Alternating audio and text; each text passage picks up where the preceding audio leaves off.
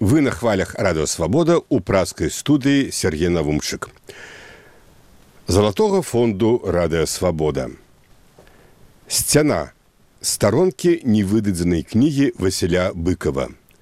Пад такой рубрыкай увесну 1997 году на хвалях беларускай службы радыасвабода пачалі гучаць фрагменты кнігі, якая была унесеная ў план выдавецтва мастацкая літаратура, але потым выкінутая з выдавецтвам. У той час Александр Лукашенко актывізаваў працэс аб'яднання Беларусі рассеі. Нацыянальная культура спазнала ціск, пра які ўжо забылася за гады адраджэння пачатку 90-х. Проза Васіля быкова не ўпісывалася ў ідэалагічны кантэкст. Васіль Уладзімирович перадаў рукапіс у прагу і супрацоўнікі свабоды чыталі ягоную прозу. Некаторыя фрагменты агучваў і сам Васіль быкаў. А для музычнага афармлення мы тады выбралі песню сольвег Эдварда Грыга.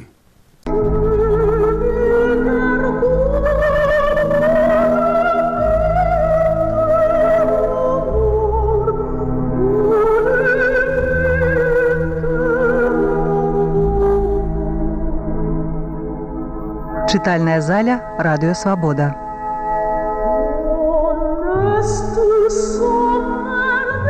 Васіль быкаў сцяна па старонках нявыдадзенай кнігі апавяданняў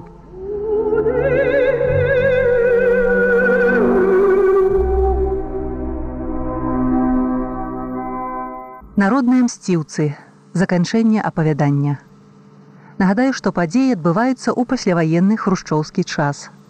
У адну з вёсак прыязджае былы нквдыст вусаў які перасаджаў палову тутэйшых людзей. Мужыкі, сабраўшыся за чаркай, гадаюць пра мэту ягонага прыезду і прыпамінаюць ахвяраў рэпрэсій і раскулачвання. Нечакана адзін з мужчынаў Іван памянушцы снайпер прапаноўвае расквітацца з вусавым. Прыхапіўшы кол і касу, яны накіраваліся да падворка касатага, колішняга памочніка НКВД, у якога і спыніўся вусаў.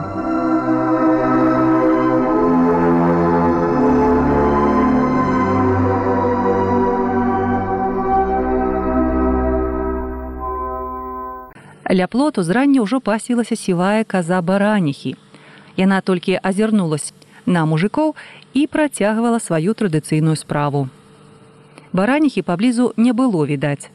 Затое ў сваім двары снайпер Іван адразу ўбачыў жонку. Ну вядома, тая не спала, як заўжды, калі гаспадар дзе-небудзь бавіўся і цяпер стаяла ў варотцах. Куды гэта вы? Снайпер Іван зрабіў выгляд, што не бачыць жонкі і важна пратупаў міма з калом на плячы. Тады жонка звярнулася да іншых: Аўдзей дубчык, куды гэта вы?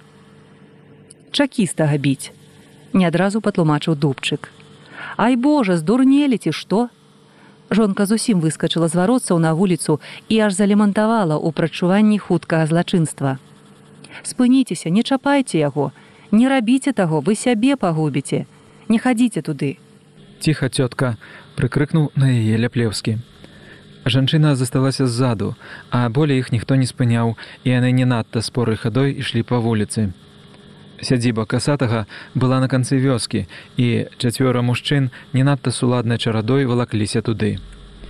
Імі кіравала да мэты няздзейсненая прага помсты застарэлая крыўда якая гэтак нечакана дала магчымасць сквітацца Ляплевскі трымаўся трохі ў баку ад снайпера Івана, ягонай рашучасці на вуліцы пачало бракаваць. Хоць ён і быў не меней за іншых п'яны, але не мог не разумець небяспеку іхняй задумы, асабліва яе наступствы. Мусіць, трэба б запярэчыць гэтаму снайперу, думаў ён, але пярэчыць усё не выпадала, і ён ішоў разам з усімі, цяпер следам за дубчыкам. Добчык жа можа ўпершыню адчуў сілу свае праваты і гатовы быў дзеля яе на што хочаш. Асабліва калі разам з мальцамі на чале з адважным завадатарам снайперам Іванам. Так яны прывалакліся нарэшце ў канец вёскі. Далей ляжаў пусты выган, а да сядзібы касатага з вуліцы вёў неадбайна агароджаны плотам кароткі завулак.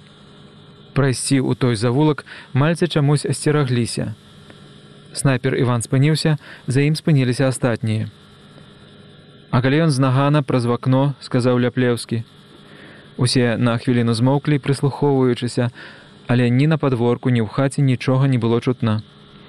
Пасля вечаровай гасціны мусіць там яшчэ спалі.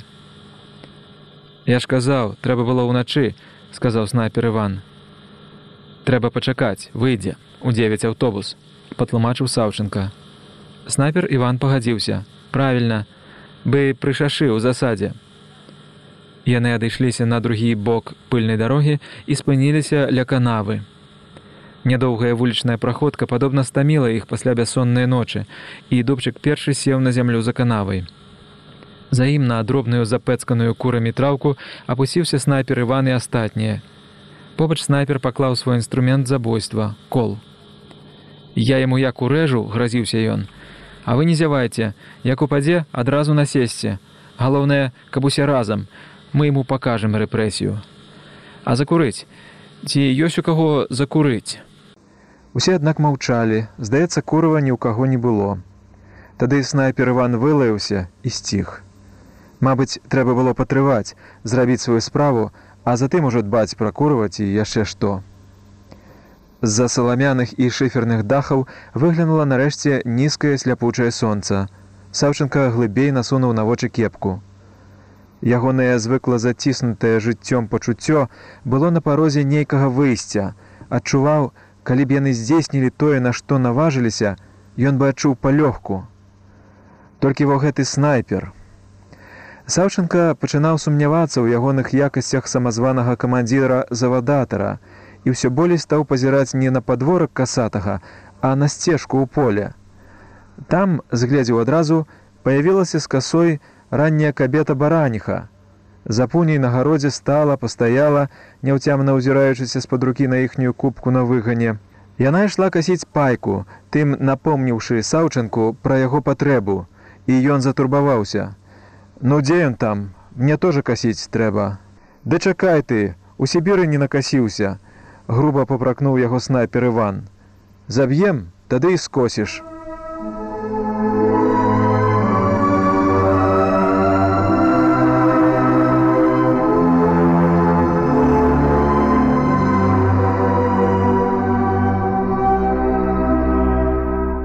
Яны і яшчэ пасядзелі моўчкі, напружана ўзіраючыся ў ненавісны падворак, які працягваў мірна спаць. Пэўна пасля добрага гасцявання ўвечары, а можа і ўначы. Але пачынаўся дзень і ягоныя турботы ўсё болей апаноўвалі людзей. За парканамі суседніх падворкаў замільгалі жаночыя хусцінкі. Гаспадыні распачыналі ранішнюю дойку, выглядвалі на вуліцу, калі пачнуць выганяць на пашу. Дбайна абскубаючы пад плоце да мужчын паволі набліжалася памаўзлівая каза бараніхі. За ёй паявіліся на вуліцы тры хлапчукі, з цікаўнасці да таго, што тут мела адбыцца, паселі непадалёк пад плотам, моўчкі пазіраючы на мужчын. Ну што ён там так доўга занепакоіўся і ляплеўскі, хіба дняваць будзе. А можа ён агародамі струсіць па вуліцы, памеркаваў саўчынка. Дагонім і ногі паламаем. Ну-ну. Яшчэ пасядзелі колькі часу. Нарэшце саўчынка рашуча ўстаў з канавы. Дыну яго ў дупу, пайду касіць дрейфіш злосна прыжмуру адзінае вока снайпер иван не адказаўшы саўчынка ўскінуў на плечо касавільна і спорна пакрочыў краем вуліцы. Астатнія яшчэ болей апанурыліся ужо амаль безнадзейна азіраючы абгароджаную сядзібу касатага. Сонце тым часам прыўзнялося над вёскай стала прыгрываць астылую за ноч зямлю. Снайпер иван стомлена адкінуўся на локаць вальней выцяг у канаву доўгія ногі ў шэрых падсохлых ад начной расы гумавіках. Трохі паляжаўшы, успомніў: Ляплеўскі, а там не засталося. Ляплеўскі, што сядзеў побач, ленавата павярнуў да яго лысаватую галаву. Адкуль? Ты не цямні, павінна застацца у бутэльцы. Дубчык, а ну збегай, а то знаеш, галава расколваецца. Дубчык паслухмяна ўстаў і моўчкі патэпаў вуліцай у другі канец вёскі, дзе нешта павінна было застацца. Снайпер Іван трохі пасядзеў яшчэ, але ягоная галава ўсё болей хілілася на грудзі. Чалавека агартала стома, і ён пляснуўся плячмі на траву. Ды што ж цяпер мы удвох няпэўна запытаў ляплеўскі снайпер иван не адказаў калупаючы травяной у зубах ляплеўскі зірнуў на яго зверху і зразумеў іхні завадатар спаў ну во дачакаліся Ён, аднак працягваў сачыць за падворкам насупраць, ды там нічога пакуль не мянялася. Памаўзлівая каза між тым ужо наблізілася да іх па канаве, недаўменна ўзняла ад травы галаву і ўставілася на двух мужикоў, што заміналі ёй пасвіцца на звыклым шляху. Ляплеўскі замахаў рукой, пайшла прэч, ды марна. Каза і не думала саступаць. Хлапчукі насупраць засмяяліся, мабыць, ім стала цікава ўбачыць, як настаўнік будзе адганяць бадлівую казу. Ён хацеў устаць і як мае быць шугануць яе, ды раптам на падворку касатага ўбачыў людзей. Ну, канешне, адзін у куфайцы згорблены і белагаловы, то быў сам галоўны вясковы сексот. Побач ягоная баба, а спіной да вуліцы стаяў мажны плячысты мужчына ў чорным пінжаку з портфелем у руках. Яны развітваліся. Парукаўшыся, госць лёгкім жэсам дакрануўся да светлага капелюша на галаве і, не азірнуўшыся, пайшоў да вуліцы. Іван, Іван! Ляплеўскі штурхаў у бок таварыша, ідзе, Ён ідзе. Снайпер Іван толькі прамармытаў нешта і вальней выпрастаўся ў канаве. Ад прыкрасці ляплеўскі вылаяўся, не ведаючы, што рабіць. Вусаў ужо згледзеў іх тут за дарогай і ляплеўскаму здалося, зараз паверне назад, можа на агароды. Аднак вусаў не павярнуў на агароды толькі на момант замарозіў хаду, выходзячы з пераволка, і зараз жа даволі ўпэўнена скіраваў у поперак цераз дарогу. Несумненна да іх. Ад нечаканасці ляплеўскі марудна падняўся на ногі, паспрабаваў зашпіліць пінжак, ды пальцы чамусьці не маглі намацаць гузік. Ён не мог адарваць позірку ад рослай постаці чекіста, яго цвярдога рашучага твару, каротенькага гальштука на грудзях і асабліва ад стракатых радкоў ягоных узнагарод на левай грудзіне. Як у маршала, мільганула недарэчная думка ў разварушанай свядомасці настаўніка. Здарова, вучитель, бадзёра павітаўся вусаў, на казьбу сабраліся. Ды не знаеце, штось выціснуў з сябе ляплеўскі. А то хто?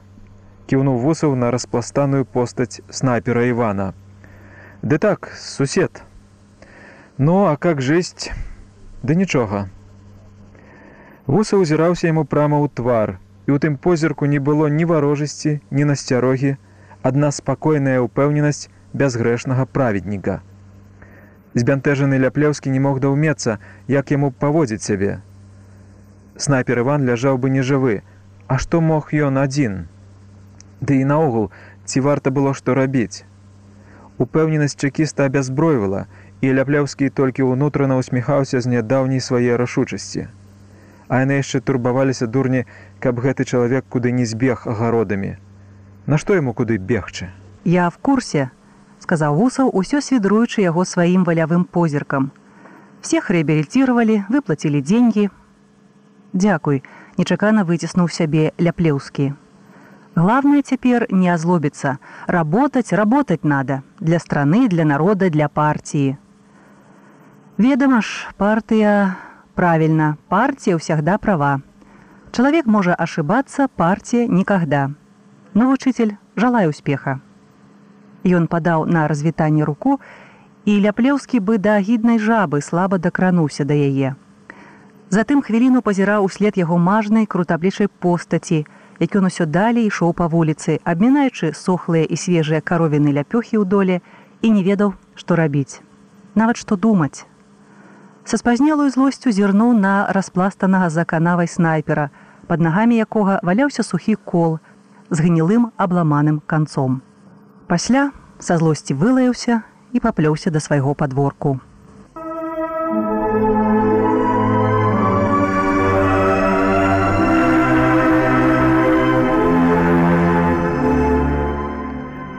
Мсціўцы выслухалі заканчэнне новага апавядання Васіля быкова Менск люты 1997 года